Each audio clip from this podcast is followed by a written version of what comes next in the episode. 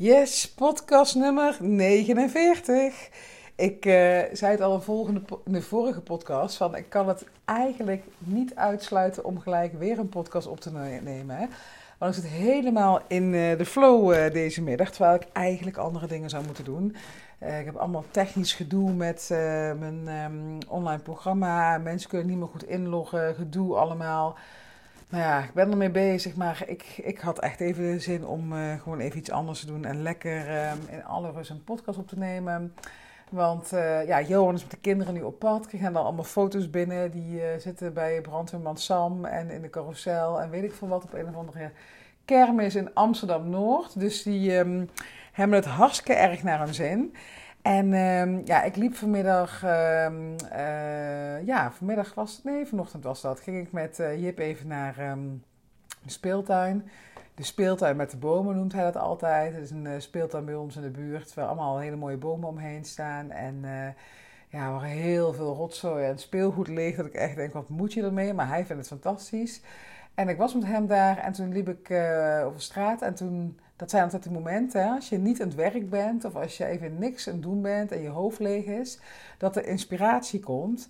En toen dacht ik, hoe fijn zou het zijn als ik eens een podcast zou opnemen over hoe lang het duurt voordat je klanten krijgt als um, startend ondernemer.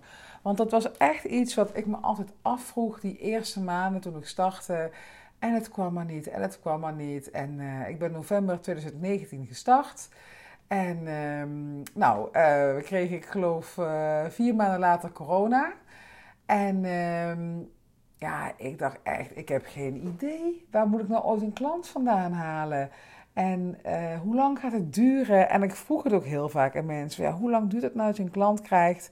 En ik kreeg er nooit een eenduidig antwoord op. Dus ik had ook geen houvast.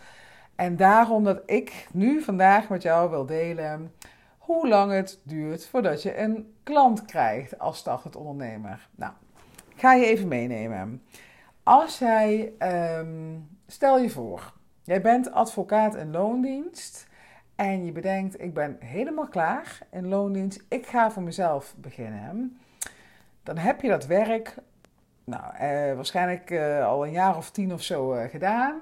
Heb je al een netwerk en ga je waarschijnlijk binnen een half jaar gewoon vol zitten. Nou, laat ik, laat ik het ruim nemen. Binnen een half jaar tot een jaar ga je vol zitten met klanten, omdat je altijd al gedaan hebt wat je gaat doen als ondernemer. Ga je iets heel nieuws doen, waar je nog helemaal geen netwerk in hebt, dan gaat het een stuk langer duren. En om je een voorbeeld te geven, uh, ik startte dus als uh, eh, VA eh, eind, nee, november 2019, 1 november 2019. Toen startte ik met de opleiding. ik heb me 1 januari 2020 heb ik me ingeschreven bij de KVK. En mijn eerste klant die kwam op 1 mei 2020. Dus het heeft al met al, vanaf het allereerste moment dat ik startte met de opleiding tot de eerste klant, zeven maanden geduurd. En uh, dat is niet snel, dat is niet langzaam, uh, dat is ook niet gemiddeld. het was gewoon voor mij uh, op het juiste moment dat het kwam. En als je daarin dan toch op zoek bent hè, naar een richtlijn van hoe lang kan het nou gaan duren, zou ik altijd aan je mee willen geven. Zorg dat, um, of nou, als je het eerste jaar dat jij start met ondernemen, echt van het moment dat jij zegt, hè, niet dat je naar de KVK gaat, want dat is maar een moment. Maar het moment dat je echt zegt, ik ga nu tijd en energie investeren in mijn bedrijf. Ik wil um, uh, mensen gaan helpen met dit, dit of dit. Trek er altijd sowieso een jaar vooruit. Zeker als je iets um, heel nieuws gaat doen. Um, je moet echt nog je plek in de markt uh, claimen. Uh, je hebt nog een netwerk op te bouwen. Uh, je hebt het ondernemen nog te leren. Dus neem alsjeblieft het eerste jaar gewoon echt helemaal de tijd ervoor. En uh, zorg ook dat je niet onder druk komt te staan, hè, onder financiële druk, want dan gaat het niet werken. Ehm, en besef je ook hè, dat al die opmerkingen van, uit je omgeving van...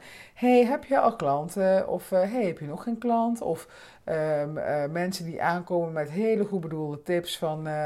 hey, maar ehm, kun je niet inschrijven bij een detacheringsbureau? Of kun je niet dit? Of kun je niet dat? Of kun je geen flyers maken? Weet ik veel welke tips mensen allemaal mee aankomen... Maar hè, besef je, laat je niet opjagen. Een jaar is echt heel mooi. Als je binnen het eerste jaar omzet hebt, ben gewoon fucking trots op jezelf. En ga jezelf niet vergelijken met anderen die uh, hun baan opzeggen en iets gaan doen wat sowieso al in een straatje past. En die gelijk uh, bomvol met klanten zitten. Want ik kan me nog zo goed herinneren dat, uh, ja, toen ik dus ook startte, dat ik op een gegeven moment um, andere uh, startende ondernemers in mijn omgeving bezig zag.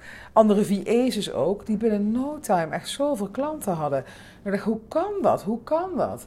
Maar juist door dat te gaan denken, verkramp je en blokkeer je eigenlijk helemaal die energie uh, van, um, van ontvankelijk zijn voor nieuwe dingen. En en je probeert het dan in je hoofd helemaal, tenminste dat had ik dan, hè, dat ik helemaal in mijn hoofd ging nadenken van wie zou nou die klant kunnen zijn, wie zou, met wie zou ik nou gaan samenwerken, maar je krijgt het niet bedacht, want het komt altijd uit een totaal onverwachte hoek. En um, ja, dat is niet dat het, dat het je zomaar overvalt, maar um, even kijken, hoe legt het nou goed uit? ja, door je energie dus, de positieve energie naar dat uh, krijgen van die klant te sturen, hè, dat je er echt positief over voelt. Um, dat je dus echt, nou, ik moet het even concreet maken. um, nou, dat je dus bijvoorbeeld nou, je gaat actie ondernemen. Je gaat bijvoorbeeld marktonderzoeken doen. Uh, je gaat netwerken. Uh, misschien ga je gratis werk aanbieden. Nou, hè, dat soort dingen.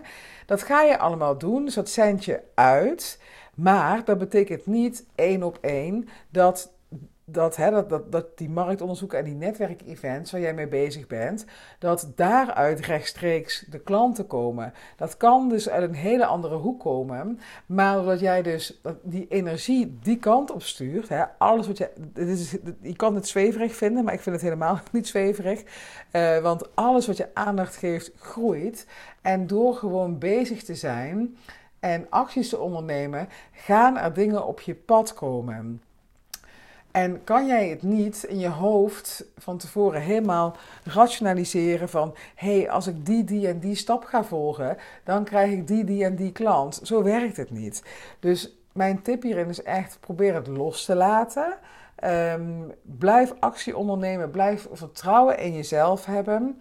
Blijf met mensen praten. Laat jezelf zien. Je kan geen succesvolle ondernemer worden als niemand je kent. Je moet echt um, out there zijn. Doe het, wat mij betreft, in kleine stapjes. En um, uh, als social media niks voor je is, dan ga je offline netwerken. Het maakt mij niet uit, maar zorg dat jij vindbaar bent en zorg dat je energie steekt in het proces van die klanten krijgen. En uh, ja, en dan kan het dus gewoon echt zomaar alsnog een jaar duren. Maar laat je niet ontmoedigen, want je bent gewoon fucking goed bezig. Als hij maar in actie blijft. En het kan ook hè, uh, in het begin dat je opeens um, uh, een klant hebt. Hè, dat je heel snel een eerste klant hebt. En dat je daarna meerdere nodig hebt, maar dat het dan opeens leegvalt. Het kan, alle scenario's zijn mogelijk.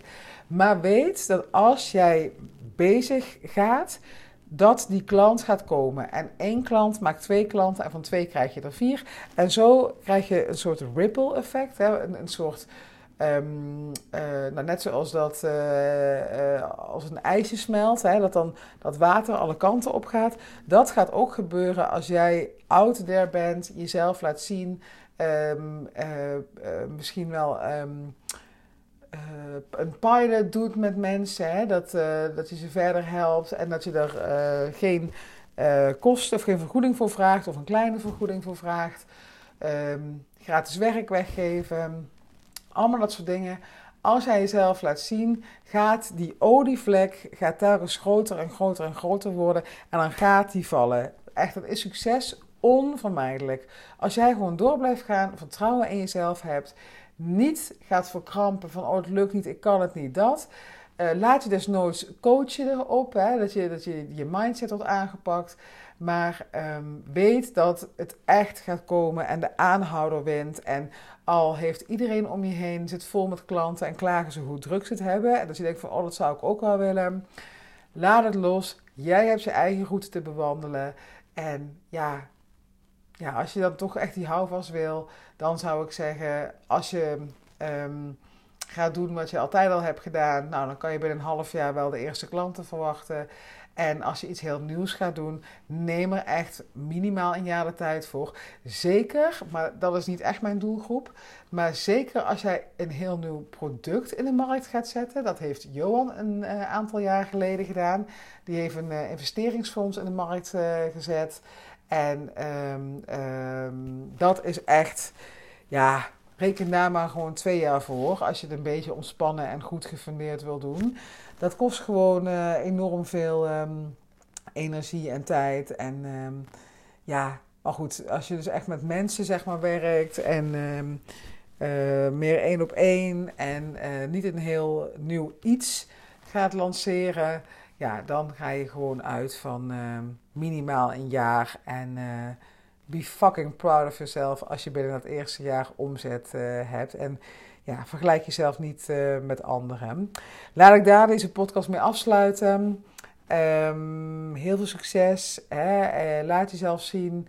Um, deel je proces. Dat vinden potentiële klanten ook heel fijn. Heb ik zelf ook uh, uiteindelijk heel veel klanten meegekregen. Dat ik gewoon van van begin af aan vertelde: hey, um, ik ben nu gesteld als VA. Ik vind ondernemerschap heel vet. Ik ga dit en dit doen. Ik wil die en die vrouwen gaan helpen.